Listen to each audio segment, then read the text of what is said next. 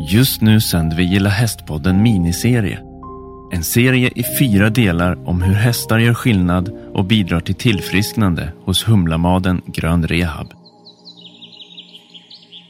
Första gången som vi på Gilla Häst kom i kontakt med Humlamaden Grön Rehab var hösten 2020 när vi spelade in det allra första avsnittet av Gilla Hästpodden. Vi träffade då Liselott Andersson, grundaren av Humlamaden Grön Rehab som i över 30 år har bedrivit friskvård med hjälp av hästar, hundar, skogsbad och ett personalteam som har de kompetenser som krävs. I den här miniserien tar vi er tillbaka till Humlamaden. Vi har träffat patienterna, några av alla de personer som fått den rehabilitering, vård och hjälp som de behövt för att hitta tillbaka till livet. Och ibland till och med överleva. I tredje avsnittet träffar vi Joakim och Mårten som efter år av stress, sömnproblem och ångest blev långtidssjukskrivna med diagnosen utmattningssyndrom och en rad olika tabletter i bagaget. I den här berättelsen får ni höra om Joakim och Mårtens ändlösa resa genom sjukvårdens olika instanser. Om hjärntrötthet och lugnande. Och om hur hästar kan göra skillnad när man nästan gett upp hoppet. Del 3. Men vad händer? Jag heter eh, Mårten. Jag kommer från eh, förskolans värld från början. Och anledningen till att jag sitter här är att jag har en, en lång eh, sjukskrivning bakom mig sedan 2014. Som en sjukskrivning som handlar om så utmattning. Och att eh, jag sitter här för att eh, jag har varit här på Humlamaden sedan 2018. Där jag började som arbetsträning med Liselott. Så innan det här projektet startade.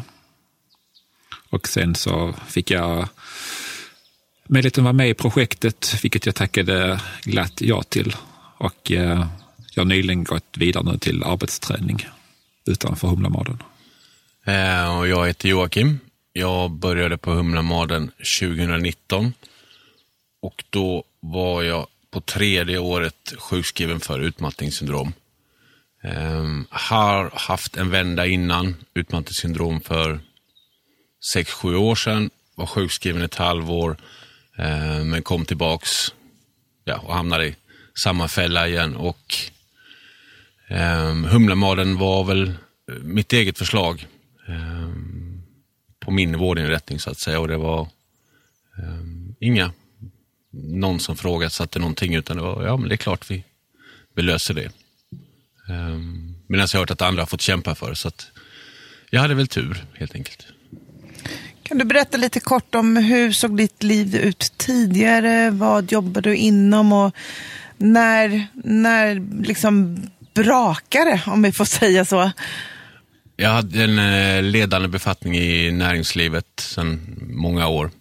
Um, väldigt intensiv bransch som alla branscher är idag. Som man, um, och det började väl, allting började väl med att jag um, gick till en diabetessköterska av alla.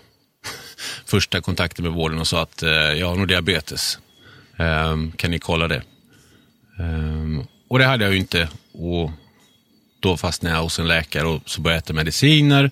Men fortsatte jobba i många, många år med medicinerna för att komma längre helt enkelt. Uh, och Får jag fråga, ändå, vad var det för slags mediciner som de rekommenderade då? Det jag fick då var, det var sömntabletter, det var lugnande. Jag var både uppiggande och inte uppiggande så att jag kunde väl få egentligen uh, ja, allt som fanns. För att de ville ju hjälpa till. Uh, men det gjorde ju bara att jag pressade mig ännu hårdare. Eh, för att tabletterna gjorde det möjligt. Mårten, hur kom det sig, hur såg ditt liv ut tidigare och hur kom du i kontakt med Humlemaden? Ja, sagt, jag kommer från äh, förskolans värld och äh, jag kraschade 2014. Och med facit i hand så var det något år innan där som det var varning, varningssignaler som jag vet nu, som jag inte visste då. Och jag hade väldigt eh, tuff start. Jag blev hemskickad från jobb och eh, så tillbaka på olika avdelningar på den förskolan jag var. Det funkar inte, jag kraschade igen. Blev omplacerad, först på en eh, högstadieskola som rastvakt. Men det var eh, samma miljö, väldigt stressigt. Jag kraschade igen. Blev skickad till en eh, gymnasiesärskola som assistent. Men eh, det funkar inte heller. Det var alldeles för tätt på. Det var bara någon månad och veckor emellan. Så jag var, liksom, jag var ny på att vara sjukskriven och visste inte så mycket. Så jag alltså, tog de råden som jag fick. Efter de krascherna så blev jag i princip bara hemskickad de närmaste åren efteråt. Jag blev erbjuden eh, antidepressiva, provade en kort stund, men det var inte för mig.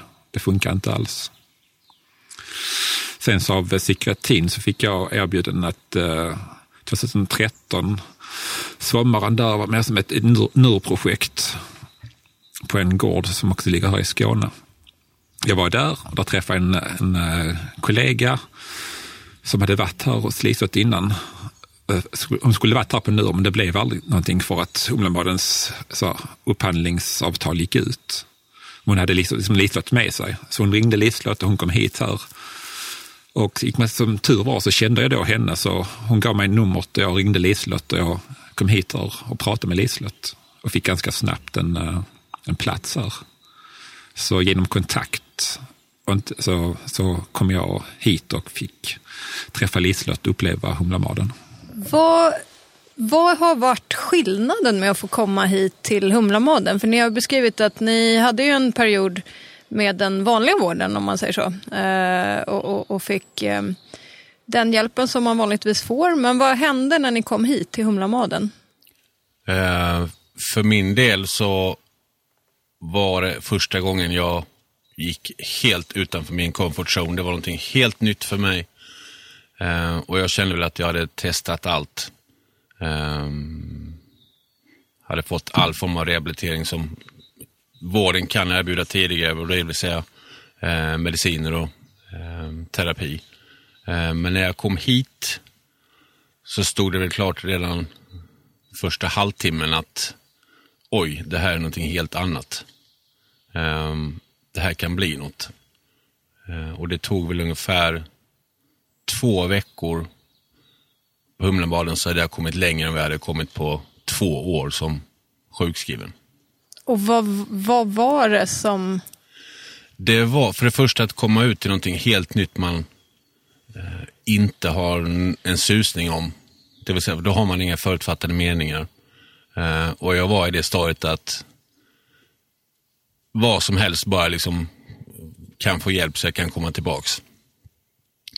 Eh, och kontakten här, förståelsen av den problematik man har, att få höra att det finns andra eh, i liknande situationer, plus hästarna, det var, det var magiskt kan man säga. Vi eh, vill ju med den här podden försöka lyfta just hur eh, hästar och den här typen av eh, grön rehab kan, kan göra skillnad. Vad är, det, vad är det just med hästarna som... För ingen av er har någon direkt hästerfarenhet tidigare va? Nej. Nej. Hur upplevde du det Mårten att komma i kontakt med de här stora djuren? För mig var det även, det var ganska magiskt ganska fort. Innan jag kom hit här så hade jag så, så klappat en häst. Det var det, det, det närmaste jag hade kommit en häst. Lagt min hand väldigt, väldigt sakta, lite darrande på en häst. Men det blir så tydligt ganska fort att, att så hästar är väldigt inkännande. De är väldigt, eh, för jag kommer från, då, från förskolans värld och med mycket människokontakt, så hästar, alltså de är väldigt raka. De berättar vad de vill. De berättar om de vill ha kontakt med mig. Vill de det står de kvar, annars vänder de på klacken och går. Om jag då utstrålar negativ eller nervös energi. Men så den kombon med då de eh, x antal hundra kilorna bakom sig och den eh, så inkännande och den sensitiviteten som hästarna har, den kombon för mig var eh, helt magisk. Och fick mig även att sakta, sakta få tillbaka en tro och ett hopp att jag kunde. När mina, när mina relationer stärktes med hästarna, när jag kom närmare och lärde känna de olika personligheterna. Vad säger du, Joakim? Just när det gäller hästarna så var väl för mig också det här verkligen magiskt att det stora djuret som var 10 000 gånger större än vad man hade föreställt sig, helt plötsligt står man där och vet inte vad man ska göra. Och så får man en liten buff på sig, en liten knuff, så liksom släpper allt. Um, det var magiskt. Likadant första gången vi hade uh, avslappning på hästrygg. Um, jag ska inte säga att jag var skeptisk innan, men jag tyckte det lät lite konstigt. Um, och så sa Liselott innan att man kan bli lite darrig på benen efter så att ni stöttar varandra för att man kan eh, ramla och slå sig. Eh, och det var riktigt häftigt. Eh, och när jag hoppade av där så var det som en ja, karatefylla. det var väldigt eh, vingligt. Men det var fruktansvärt positiv känsla. Eh, som man vill göra om och om igen helt enkelt med hästarna. Jag tänker att det är för, för många väldigt också viktigt att just ni som män berättar historier. För det där är ju tyvärr så att det är ju fortfarande gamla normer som sitter i och att ja, men det är bara tjejer som håller på med hästar och så vidare. Men det här handlar inte om hästarna i sig, utan det handlar ju om, som du säger, det man blir sedd för och inte dömd och ja, just de här magiska mötena som, som ni nämner. Men hur har ni, alltså, hur har ni mötts och bemötts när ni har sagt att jag är ute på Humlamaden och går eh, bredvid en häst i terapiform? Eh, jag skulle inte säga att jag mörkade i början på något sätt. Eh, men det var ju kanske inte så att jag innan jag genomgick övningarna sa att imorgon ska jag ligga och krama en häst. um, och det var väl mina egna förutfattade meningar att hade jag sagt någonting där så hade de blivit utskrattade eller ifrågasatt. Um, men sen har jag nog helt enkelt bara um, sagt att nej, jag jobbar med hästar och jag trivs bra med det. Sen tror jag också att tonen, hur man säger det, eh, inbjuder eller inte till liksom, vidare frågor om eh, hästarna. Så att man har väl stängt ämnet lite också kanske. Ja, jag har en liknande upplevelse. Den upplevelsen med just det är väl som att med sjukskrivningen i, i sig överlag, att det är väldigt lite kunskap, förståelse och ibland kanske även förutfattade meningar. Men eftersom jag själv sådär men ganska fort fattat tycke och sen har det vuxit och vuxit. Så, så pratar jag så varmt själv om det och beskriver de här stunderna som avslappning eller vi har haft mindful ridning på hästryggen ute i skogen som är helt fantastiska. Så efter man själv öppnar upp för det, bra, pratar och berättar hur fantastiskt det är så har folk, alltså i alla fall i min omgivning nära, sakta sakta bara tänkt, ja men, mm, förstått och kanske inte riktigt förstår den känslan som vi har, men att börjat intressera sig och kanske ja, men börjat bli nyfikna i alla fall. Ska ni uppleva det. Mm. Jag tänkte Joakim, du sa ju det, du kommer från näringslivet, har jobbat i ledande befattningar i stora bolag som jag förstod det. Mellanstora bolag skulle jag säga. Mm. Men, ja. Eh, för jag tänker just eh, att komma från, från den världen också och in i eller in till ett sånt här ställe som, som Humlamaden. Hur, alltså att, att komma in i den här lugn och ro-känslan, hur lång tid tog det för dig att landa här på något sätt? Jag hade väl mentalt förberett mig för en två timmars powerpoint om mig själv dag ett här. eh, när Liselott inledde med att säga att idag presenterar vi oss inte, vi säger inga namn, vi bara sitter. Så att, det var, hon satte tonen där direkt och det var vad jag behövde. Ja. Sen satt jag och gapade första dagen och tyckte det var häftigt. Och, ja, ja. den vägen är det. Vad, vad är den största lärdomen från den här behandlingen? Oj, det är mycket, men eh, vi har fått bra eh, verktyg att ta med oss ut i eh, vanliga livet utanför Humlemaden. Ehm, och när det blir körigt, eh, man blir lite stressad utanför Humlemaden, så jag i alla fall brukar projicera lite bilder i huvudet på hur det ser ut i olika tillfällen. Ehm, det kan vara allt från att man är på mocka till att man är ute och rider i skogen. Ehm, och det brukar räcka någon millisekund för att dra ner stresshormonet. Vad säger du Mårten? För du kommer ju också från en ganska speciell miljö, alltså skolvärlden, förskolevärlden. Mm. Eh, hur landade du i det här? Och vad är det, vad är det du har tagit med dig härifrån? Det tog nog ett, ett tag för mig att landa, alltså på, på riktigt landa och känna att man, att man grundar sig, att man har man kan ta in allting som, som erbjuds. Och jag skulle nästa är att mer eller mindre hela fas 1 gick väl, så, så var i tre månader va? gick väl jag till att alltså, praktisera de där lugnande tagen, komma ut, låta kroppen känna att den inte är i ett flyktläge. Att inte stressen behöver vara just här. Så det tog nog ett tag att göra det. Som, som sa, på riktigt mer grundat. Det som jag tar med mig nu, det, är så, det första är som att, att lyssna inåt, att lyssna på kroppen. För det har inte jag varit bra på i alla fall. Därför har jag också lyckats undgå alla varningstecken innan som utmattning och som kroppen berättade egentligen, som jag vet nu, som jag inte visste då. Och jag tar absolut med mig min kärlek till hästarna. Det är framförallt en häst, eh, en av de stora Irish cobben eh, som heter Chloe, som är min ögonsten som jag har fallit ganska hårt för. Hon har gett mig otroligt mycket. Så det tar jag absolut med mig. Mm, fantastiskt att höra. Ehm, jag tänker också just det, varför är det så svårt att få den vita vården att eh, acceptera den här formen av vård, tror du, eller tror ni? Jag tror, som framförallt det som jag har mött, är en, en okunskap. Att läkare ibland har frågat mig lika mycket som jag har frågat dem.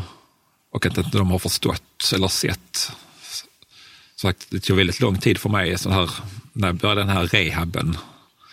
Sagt, först jag var ett år på arbetsträning här med rehaben 2019. Så det har nästan gått fem år sedan jag blev sjukskriven. När jag blivit i princip bara hemskickad i omgångar med diverse piller som erbjuds, men som inte var min grej. Så framförallt okunskap känner jag att eh, den vanliga vården fortfarande har. Att jag fortfarande kan stöta på ja, liknande erfarenheter är att eh, det är väl inte alltid uttalat från den vanliga vården att de är skeptiska, men det räcker ofta med liksom blickar eller suckar eller eh, när man pratar om det. Och, Eh, jag vet inte heller riktigt vad det beror på, men som sagt, det finns hur mycket forskning som helst. Vi är liksom hundratals deltagare som kan eh, intyga att vi mår mycket bättre. Och vi kan liksom säga att det är tack vare hästarna och naturen. Eh, men det verkar ännu inte räcka riktigt i Sverige i alla fall. I Japan ligger man väl hundra år före oss när det gäller sånt här. Men i Sverige är det av någon anledning lite flummigt. Mm. Men jag tänker också just att båda ni två har ju varit eh, sjukskrivna länge i olika omgångar.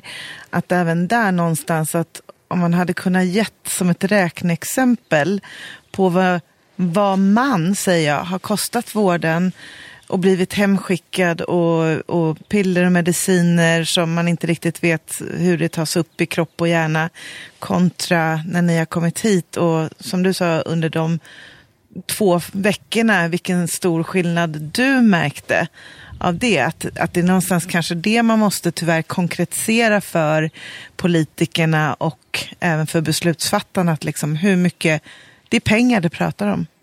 Det låter sorgligt. Ja. Ja, men det var en, min nu, nuvarande läkare som sa det så himla eh, träffande. Första gången jag träffade honom får jag byta läkare, för det var en läkarkontakt som inte fungerade. Så satt vi och pratade och tittade igenom min journal så sa han, så var bekymrat och tänkte efter så sa han, tänk om du hade fått den här vården dag fem eller vecka fem istället för år fem. Mm. Och det är alltså bara så, punkt. Och bara det, det landade så otroligt hårt i mig. För att, jag tänk om jag hade gjort det. Vad hade jag stått då? Eller vad hade hänt då? Och den där, ja, det blev så otroligt tydligt inom hans observation som ingen annan har sett eller sagt. Men för mig blev det jättetydligt.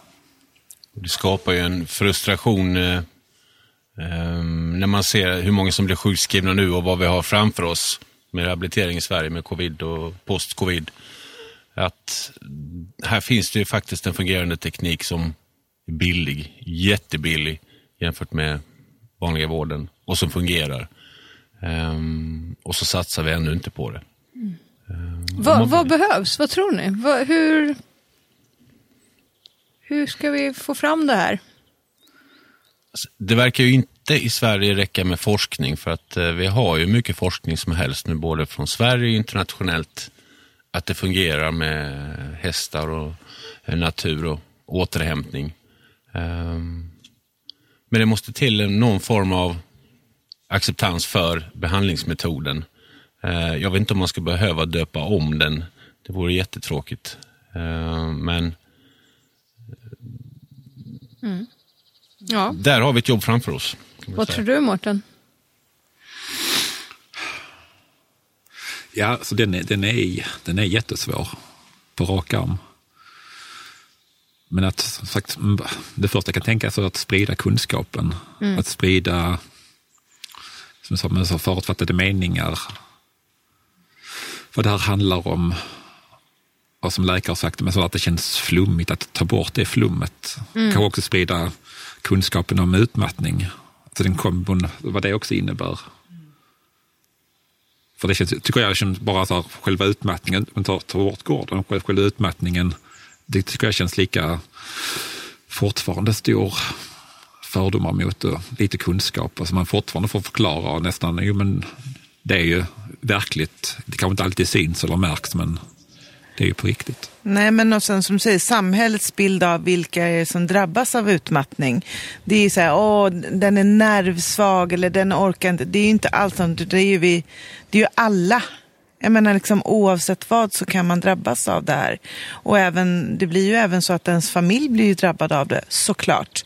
Och att man även där isolerar sig från samhället. Så det finns ju så många, även där, olika steg i den här utmattningen. Men jag tror dels genom att visa på de här goda exemplen som ni är faktiskt och att kunna på ett sånt här avslappnat sätt kunna prata och podda om det och också visa att ja, men det finns en väg ut och att vi måste acceptera och även där just gamla normer, hur vi har tittat på saker och ting, både kring grön rehab och kring utmattning och den här, eh, vi pratar nu om många som säger åh jag vill inte vaccinera mig för jag vet inte vad det är i det, men du kan stoppa i dig ett piller där du inte har en aning om vart det landar, varken som jag sa i hjärnan eller i, i din kropp. Så att även där, prata, vi måste prata, våga prata i samtalet tänker jag. Mm. Absolut, håller helt med och vill också understryka det Mårten sa att fördomen mot själva utmattningssyndromet verkligen finns kvar. Eh, det är väl den vanligaste idag diagnoskoden hos Försäkringskassan. Eh, och lik förbaskat är det alla fördomar. Eh, men du ser ju frisk ut. Men vad då? Du har inte brutit något eller du har liksom inget plåster på dig. Eh, och sen i kombination med utmaning två, vården här, att då ska man kanske försvara den också. Jag har hästar och natur och, mm. eh, och så utmattningssyndromet i grunden. Så att Ja. Det blev dubbla fighter kan man säga. Ja, men vi har ju pratat om det tidigare i podden om, eh, oj, jag kom en liten katt och hälsa på. Eh, nej men eh, just eh, nu har ju Världshälsoorganisationen eh, uttryckligen sagt det att psykisk ohälsa är vår tids största folkhälsosjukdom. Och det är det också som man räknar med kommer ta mest resurser framöver. Så det känns som att det här, det, vi måste hitta alternativa vägar. Vi måste liksom våga prova nytt. Och det är väl förhoppningsvis, ehm, vi är väl förhoppningsvis på rätt väg, hoppas vi. Jag skulle vilja höra lite också, hur mår ni idag? Ni har gått igenom Humlamadens fas 1, fas 2 och fas 3. Hur lång tid ungefär har det varit totalt? Och hur, vilka är ni nu på andra sidan? Eh, för min del så är jag ju kvar på Humlemaden. Eh, jag gick ut fas 3 kan man säga för några månader sedan. Eh, och sen dess arbetstränar jag här. Ehm, och hjälper till lite med stiftelsen bakom ehm, och så vidare. Och hjälper till med hästarna. Ehm, och jag är väl idag betydligt längre fram än vad jag var för ett år sedan. Eh, och det är väldigt mycket tack vare Humlemaden och Liselotta hästarna. Eh, medicinerna gör att du kan eh, pressa dig själv hårdare men det gör dig liksom inte frisk på något sätt, utan eh, du bara bedövar symptomen.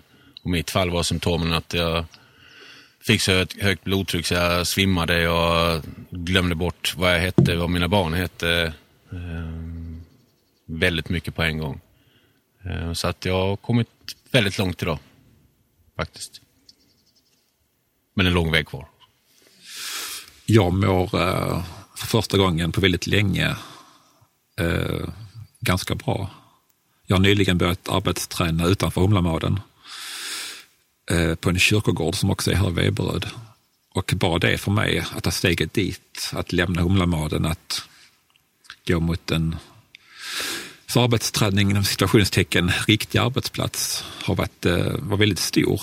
Och det känns som en jättestor seger för mig att göra det. Med Humlamaden, med Lislott, naturen och med hästarna så finns det en början till en liten, liten trygghet igen. Och lite, framförallt att jag har känt hopp, att det går, att jag kan ta de här små, små stegen. Och från början var det tanken att jag skulle arbetsträna redan i då förra sommaren. Men jag med Liselotts hjälp på ett möte fick sätta stopp för det och att jag behövde tiden att gå de här små, små stegen i lugn och ro. Och det har gjort jättestor skillnad. Så att jag känner alltså att jag fortfarande börjat ta stegen mot den, en ny plats, men att, men att jag bara att jag känner hopp, att jag känner en lite mer grundad, lite mer trygghet i mig själv. Det är första gången under hela min sjukskrivning sedan 2014. Så det är, både är och känns positivt. Tack snälla för att ni ville komma till Gilla Hästpodden och berätta om det här. En sista fråga. Vi brukar fråga våra gäster om ni fick skicka ett kort meddelande till eh, våra lyssnare och till eh, kanske beslutsfattare där ute. Hur eh, hästar kan göra skillnad så att fler ska fatta galoppen och förstå att eh, hästar och den här typen av behandling kan vara en resurs. Hur skulle, vad skulle du vilja säga då Joakim? Man skulle kunna skicka med en ledtråd till att eh, hästen har funnits med människan genom alla tider. Eh, och ju längre bort vi har kommit från naturen och hästarna, ju sämre verkar vi må. Eh, vi har mer fritid än någonsin, samtidigt som vi har alla är mer stressade än någonsin. Det är så mycket som ska göras och allting är så pressat. Testa en dag eh, ute i naturen, helst med en häst eller nära hästar. Och vänta en halvtimme, en timme och jämför hur du mår då jämfört med tidigare på dagen. Då borde du få en ledtråd och kan googla lite vidare faktiskt. Ja, för mig så är det, känns nästan som det känns självklart. För mig så gör det skillnad. Hästarna, den hästunderstödda terapin har varit avgörande för mig. Sagt att jag varit i vanlig vård under fem år när jag kom hit här och det är först när jag kom hit här med naturen och med hästarna som jag har tagit mina steg framåt. Och sen då, sen 19 när vi började här, november 19 till nu, som inte är, är så sjukskrivningsår inte är så långt, så har de, jag har tagit jättestora steg. Och det är på riktigt, det gör skillnad. För mig har det varit avgörande med eh, hästarna och deras, eh, deras närvaro och det de ger. Så att jag tror inte det är någon tvekan om varför det inte skulle fungera. För mig har det, är det solklart. Jag vill bara passa på att ge en cred till Mårten också. att eh, Han var den första killen jag såg här. Eh, och är väl idag eh, också en av de få killarna. Eh, och jag behövde eh, se det i alla fall första dagen. Eh, att det inte bara var tjejer och egentligen borde det vara 50-50 här. så att Tack och bock. Stort tack och jag tror som du säger att det är viktigt att, att, liksom, att man finns där och stöttar med varandra. För jag tror att det är samma problematik även att, att hitta fler killar att komma till ridskolan. Det handlar om förebilder eller att man känner en trygghet. Att man, man bara kan man tittar och så, ah, ja, det är en kille, liksom. då känner man sig trygg med det också. Precis som, ah, du har också varit igenom det här, då känner man sig också trygg i gruppen. Det är ju så, gud vad fåglarna kvittrar här nu, vad härligt. Men, men jag tror att det är jätte, jätteviktigt, så där fyller ju ni också i, både i det här poddsamtalet, men även nu, Mårten, när du jobbar nu och visar på även att det här funkar och att ni är ju ett lysande exempel på att det här, det här är någonting som fler borde, män som kvinnor, ta del utav. Stort tack. Tack, tack. tack själv. Gilla hästpodden ryms i satsningen med samma namn som drivs av hästnäringens nationella stiftelse, HNS. Läs mer på gillahäst.se och följ oss gärna i sociala kanaler.